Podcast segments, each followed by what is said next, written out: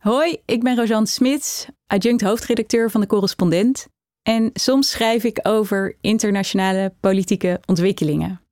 En vandaag wil ik het hebben over de opstelling van het kabinet ten aanzien van de oorlog in Gaza.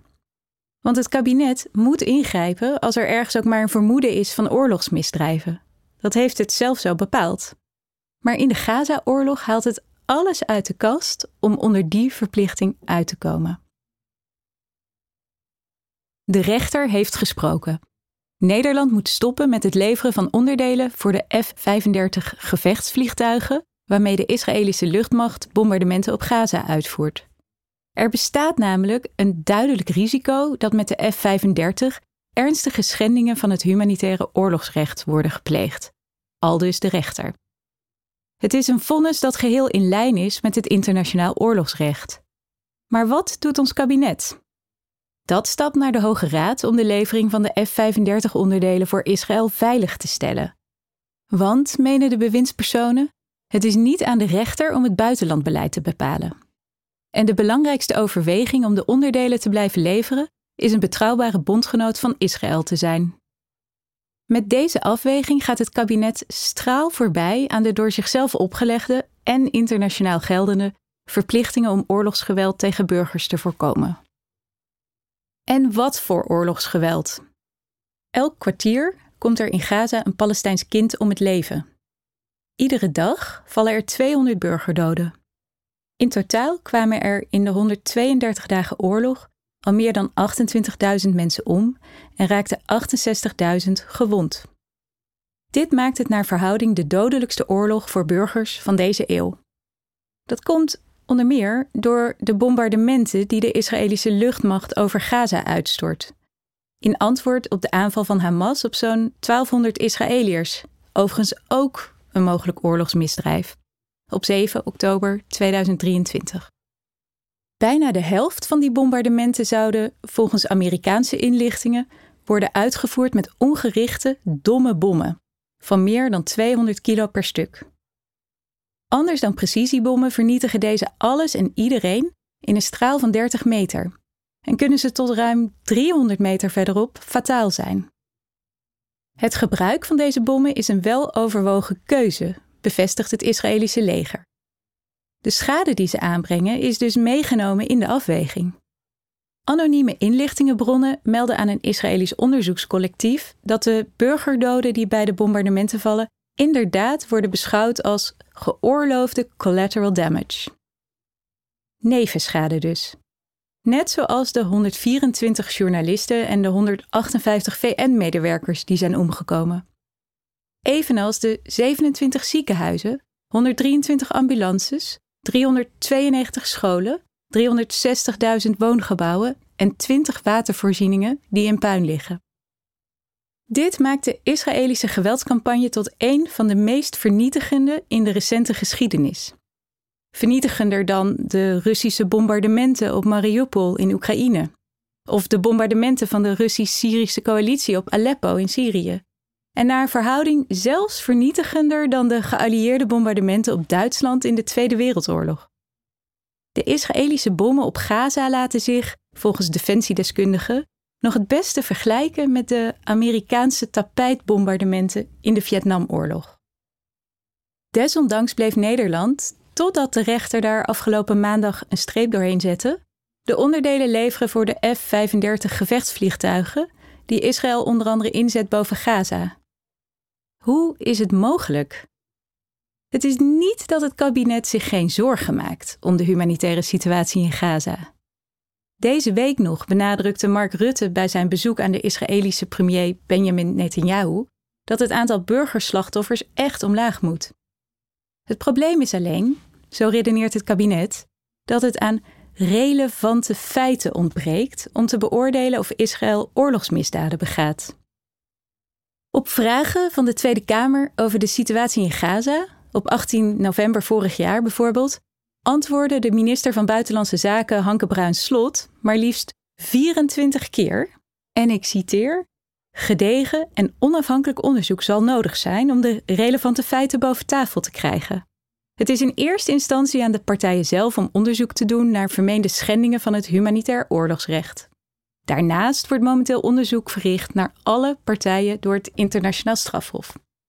Om daarbovenop nog eens tien keer te benoemen dat het kabinet niet over deze relevante feiten beschikt, gezien de onduidelijkheid ter plekke.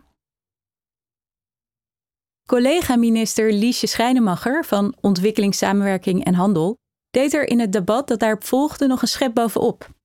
Door de complexiteit van de situatie in Gaza, zei ze, is het belang van de F-35 voor de veiligheid van Israël doorslaggevend in het besluit de onderdelen te blijven leveren. Complexiteit, informatiegebrek, Israëls veiligheid en de verantwoordelijkheid om helderheid te scheppen bij anderen leggen. Het zijn de bouwstenen van een redenering die kabinetsvergadering na commissiedebat, schriftelijk overleg na Kamerbrief doorklinkt. Een redenering die het kabinet gemakshalve ontslaat van zijn verantwoordelijkheid om op te treden tegen het buitensporige geweld in Gaza.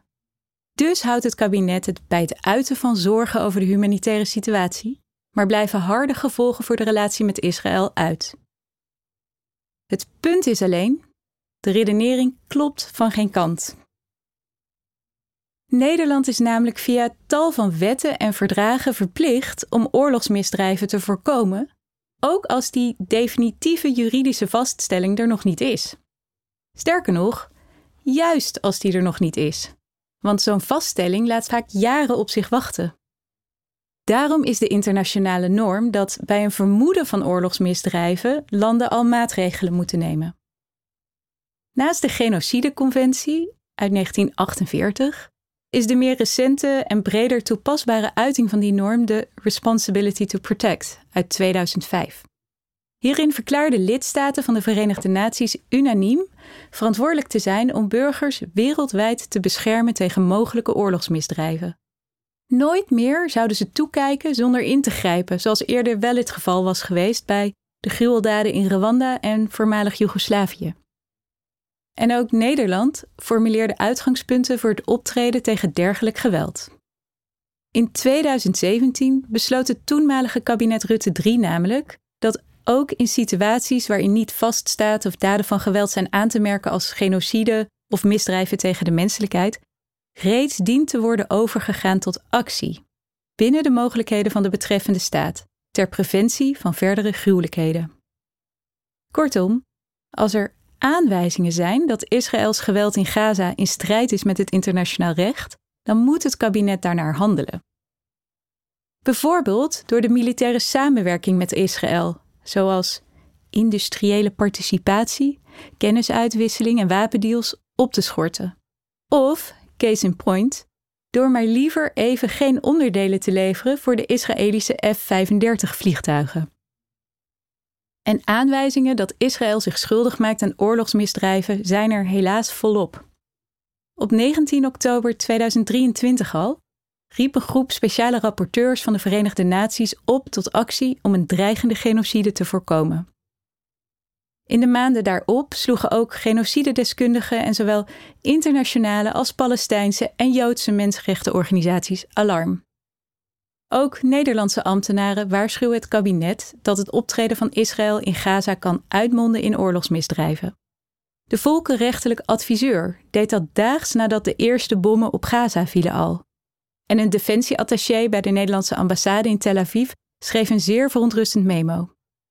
Ook waarschuwden ambtenaren publiekelijk, in protesten en in een open brief waarin zij met 800 collega's uit 11 andere landen waarschuwen voor een aannemelijk risico dat het beleid van onze regeringen bijdraagt aan ernstige schendingen van het internationaal humanitair recht, oorlogsmisdrijven en zelfs etnische zuivering of genocide. Op 26 januari 2024 oordeelde het Internationaal Gerechtshof van de Verenigde Naties dat er inderdaad sprake is van een reële dreiging van een genocide op de Palestijnse bevolking. En daarom verplicht het Israël maatregelen te nemen om erger te voorkomen en om de bevolking per direct te voorzien van humanitaire hulp. Je zou om minder een wapenexportvergunning intrekken. Nu is het al pijnlijk dat de rechter het kabinet moet wijzen op de eigen uitgangspunten voor verantwoordelijk buitenlandbeleid. Maar dat onze regering dat vonnis nu aanvecht, is helemaal schrijnend. Deze hoogste rechtsgang stelt het kabinet in een toelichting staat los van de situatie in Gaza. Laat dat even op je inwerken. Het kabinet wil kosten wat kost helpen de Israëlische gevechtsvliegtuigen in de lucht te houden. Een overweging die los staat van het excessieve geweld in Gaza. En dat in een land dat de bevordering van de internationale rechtsorde heeft opgenomen in de grondwet. Wie dat nog kan uitleggen, mag het zeggen. De correspondent bestaat tien jaar. Al tien jaar maken wij journalistiek voorbij de waan van de dag. Journalistiek die niet polariseert, maar perspectief biedt. Die geen ophef najaagt, maar oplossingen zoekt. Wist je dat de correspondent 100% door leden wordt gefinancierd? Dat betekent dat we ons werk alleen kunnen doen als luisteraars zoals jij ons steunen. Word vandaag nog lid. En draag bij aan diepgravende, advertentievrije en onafhankelijke journalistiek. Ga naar decorrespondent.nl en word lid.